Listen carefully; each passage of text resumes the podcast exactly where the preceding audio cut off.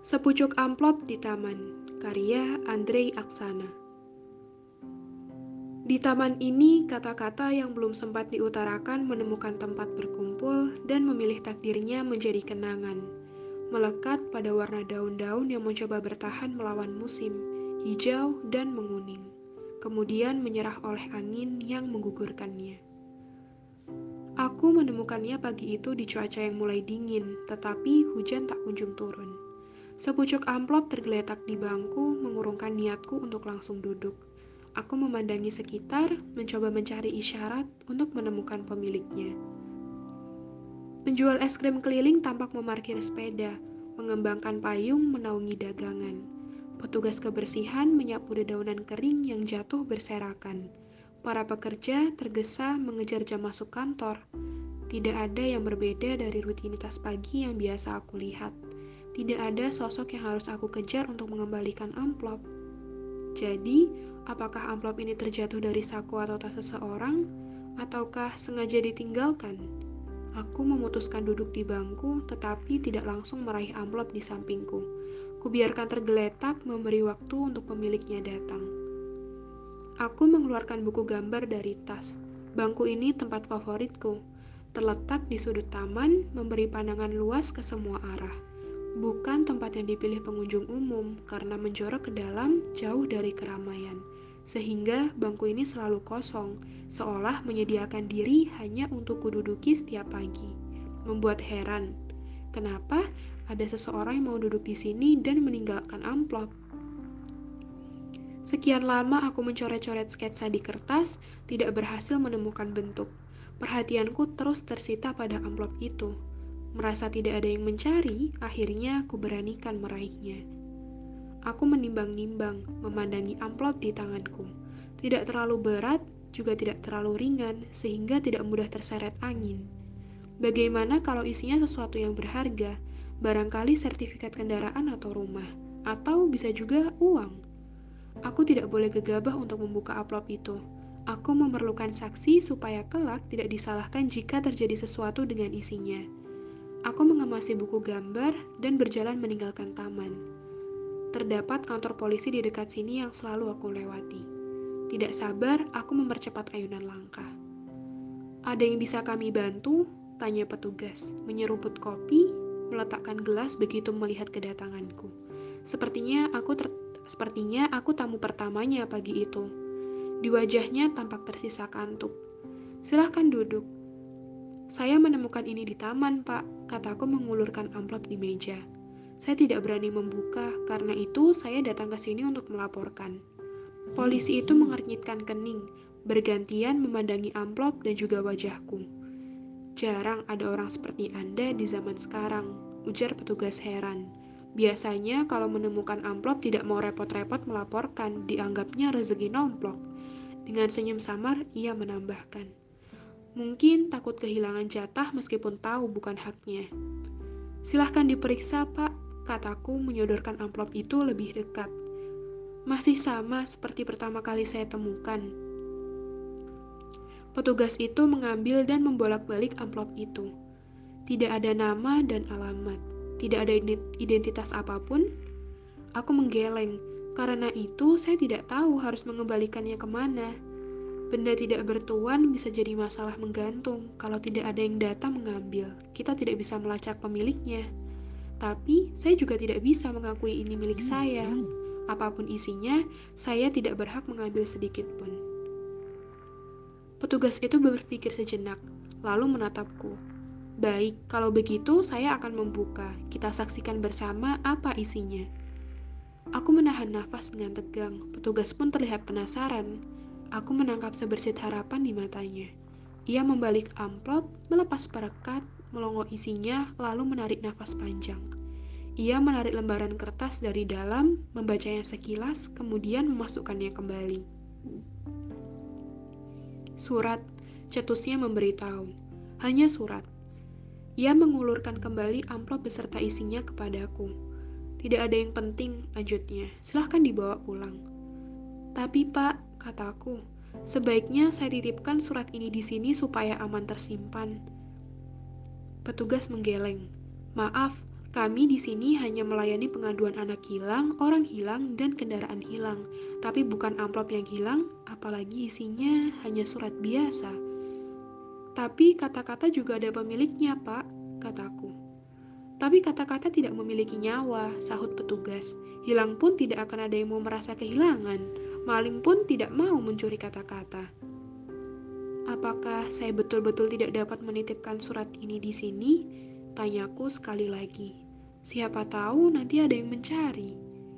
Maaf, ini kantor polisi, sahut petugas, bukan tempat melaporkan kehilangan dan menemukan barang, kecuali barang itu dicuri, dijamret, dirampok, yang memang terdapat unsur pidana, sehingga memerlukan polisi untuk bertindak. Aku mengambil amplop itu, mengangguk, mengucapkan terima kasih, dan berpamitan. Dalam perjalanan menuju taman, aku mampir di penjual es krim yang melayani anak-anak. Pak, apakah tadi sempat melihat siapa yang duduk di bangku sana? Tanyaku sambil mengarahkan telunjuk. Sekilas, penjual es krim melihat ke sudut, ke sudut taman dan menggeleng. Setahu saya tidak pernah ada yang duduk di sana selain sampean. Sebelum saya datang, tambahku. Apakah ada orang lain? Sekali lagi penjual menggeleng bingung. Aku merogoh dompet, membeli sebatang es krim coklat, lalu menghampiri bocah pemulung yang sejak tadi hanya berani menatap kami dari kejauhan, dan memberikan es krim itu kepadanya. Sepanjang hari itu, aku sibuk bertanya kepada orang lalu lalang di taman. Apakah ini amplop Anda? Aku bertanya satu persatu. Namun, jawaban yang kuperoleh selalu sama, gelengan kepala. Senja merayap.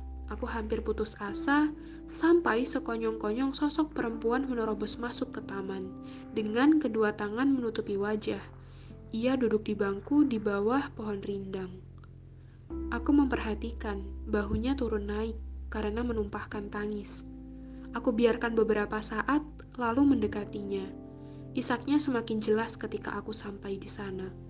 Menyadari ada seseorang duduk di sampingnya, tangisnya berhenti ia membuka kedua tangan, lalu menoleh ke arahku. "Anda siapa?" Ia bertanya dengan wajah bersimbah air mata. "Mengapa duduk di sini?" "Maaf, saya lihat Anda menangis," jawabku iba. "Anda tidak punya alasan untuk mendekati saya," saut perempuan itu. Perempuan menangis bukan karena lemah, jadi jangan berpikir kedatangan Anda akan menguatkan saya. Saya tidak bermaksud apa-apa, ujarku. Tapi barangkali ini yang Anda cari untuk membuat hati Anda lega. Aku mengangsurkan amplop itu. Apa ini? Mata perempuan yang berkaca-kaca itu membelalak. Anda mencoba menyogok saya, atau Anda kira saya perempuan bayaran? Bukan, jawabku. Amplop ini berisi surat, bukan uang. Anda betul-betul keterlaluan, bentaknya. Anda pikir sepucuk surat dapat menghentikan air mata saya?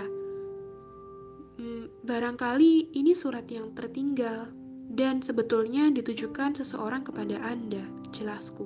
Tidak ada salahnya untuk membuka dan membacanya. Tidak, bukan. Jawabnya ketakutan sambil mengibas-ngibaskan tangan, menyingkirkan amplop itu dari pandangannya seperti racun yang akan membunuh. Saya tidak mencari surat yang hilang. Perempuan itu bergegas bangkit, berlari, lalu meninggalkanku begitu saja. Sebelum hari itu betul-betul gelap, aku memutuskan kembali ke apartemen membawa pulang kegundahan bersama amplop tanpa nama pengirim, tanpa nama penerima, dan juga alamat. Aku meletakkan begitu saja tas dan amplop di atas meja, lalu jatuh tertidur di atas sofa. Entah berapa lama terlelap, sampai kurasakan dekapan lengan halus mengelilingi tubuhku. Aku menggeliat, menyadari kedatangan kekasihku. Aku tidak percaya kau sekarang semakin romantis, ujar kekasihku merapatkan pelukan. Romantis? Aku mengulang sambil menguap. Aku tidak menyangka kau merindukanku sebesar itu, tambahnya. Ngomong apa sih? Aku tidak paham yang kau maksud. Jawabku bingung sambil mengucek-ngucek mata. Surat? Sahut kekasihku yang hilang kesabaran. Kau yang menulis surat itu kan? Kau yang mengetik dan mencetaknya kan? Sekarang aku benar-benar membuka mata, melihat telunjuk lentiknya yang mengarah ke meja. Oh, jawabku sekilas. Maaf, bukan aku yang menulisnya dan surat itu bukan untuk kau. Kekasihku serentak melepaskan pelukan dan berkacak pinggang. Lalu siapa yang menulisnya kalau bukan kau? Ia bertanya nanar. Oh, aku tahu sekarang. Kau tidak mau mengaku karena terlanjur ketahuan. Kau menulis surat untuk perempuan lain dan akan mengirimkannya, tapi ternyata aku lebih dulu menemukan dan membacanya. Aku mengangkat badanku dari sofa, menatap kekasihku. Surat itu, kau tidak usah berbohong, ia balas memandangku. Sejak dulu aku sudah meragukan kesetiaanmu. Kau selalu sibuk dengan gambar-gambarmu dan ternyata kau memberikan waktumu untuk perempuan lain. Kekasihku menyambar tas, berlari meninggalkanku, sama sekali tidak memberikan kesempatan padaku untuk menjelaskan, apalagi membela diri. Hanya bunyi debuman pintu yang tersisa sebagai ucapan selamat tinggal. Sejak itu, ia tidak pernah muncul lagi. Aku tidak dapat menghubungi telepon genggamnya, dan pesan suara yang kutinggalkan di mesin perekam pun tidak pernah dibalas. Hanya tinggal aku dan sepucuk amplop surat itu yang menjadi pengganti kekasihku yang hilang. Kubaca berulang-ulang setiap kali merindukannya. Seperti kekasih yang setia, amplop itu selalu kubawa setiap pergi ke taman. Hanya saja, aku sudah berhenti bertanya siapa pemiliknya. Tidak pernah ada orang yang datang mencari, tidak pernah ada orang yang merasa kehilangan surat itu. Namun, kini aku mengikuti apa yang dilakukannya. Setiap pagi aku meninggalkan sepucuk demi sepucuk amplop di bangku taman, tanpa nama dan alamat agar ditemukan dan dibaca siapa pun yang datang. Aku ingin mereka mempercayai bahwa kata-kata tidak perlu diketahui siapa yang menuliskan untuk memahami kebenaran dan keindahannya. Di taman ini, kata-kata yang tidak pernah diungkapkan menemukan kebebasannya untuk berwujud, menjadi pohon-pohon yang rimbun, bunga beraneka warna, dahan yang kokoh, ranting bercabang, sayap kupu-kupu berkepak, dan kicau burung-burung.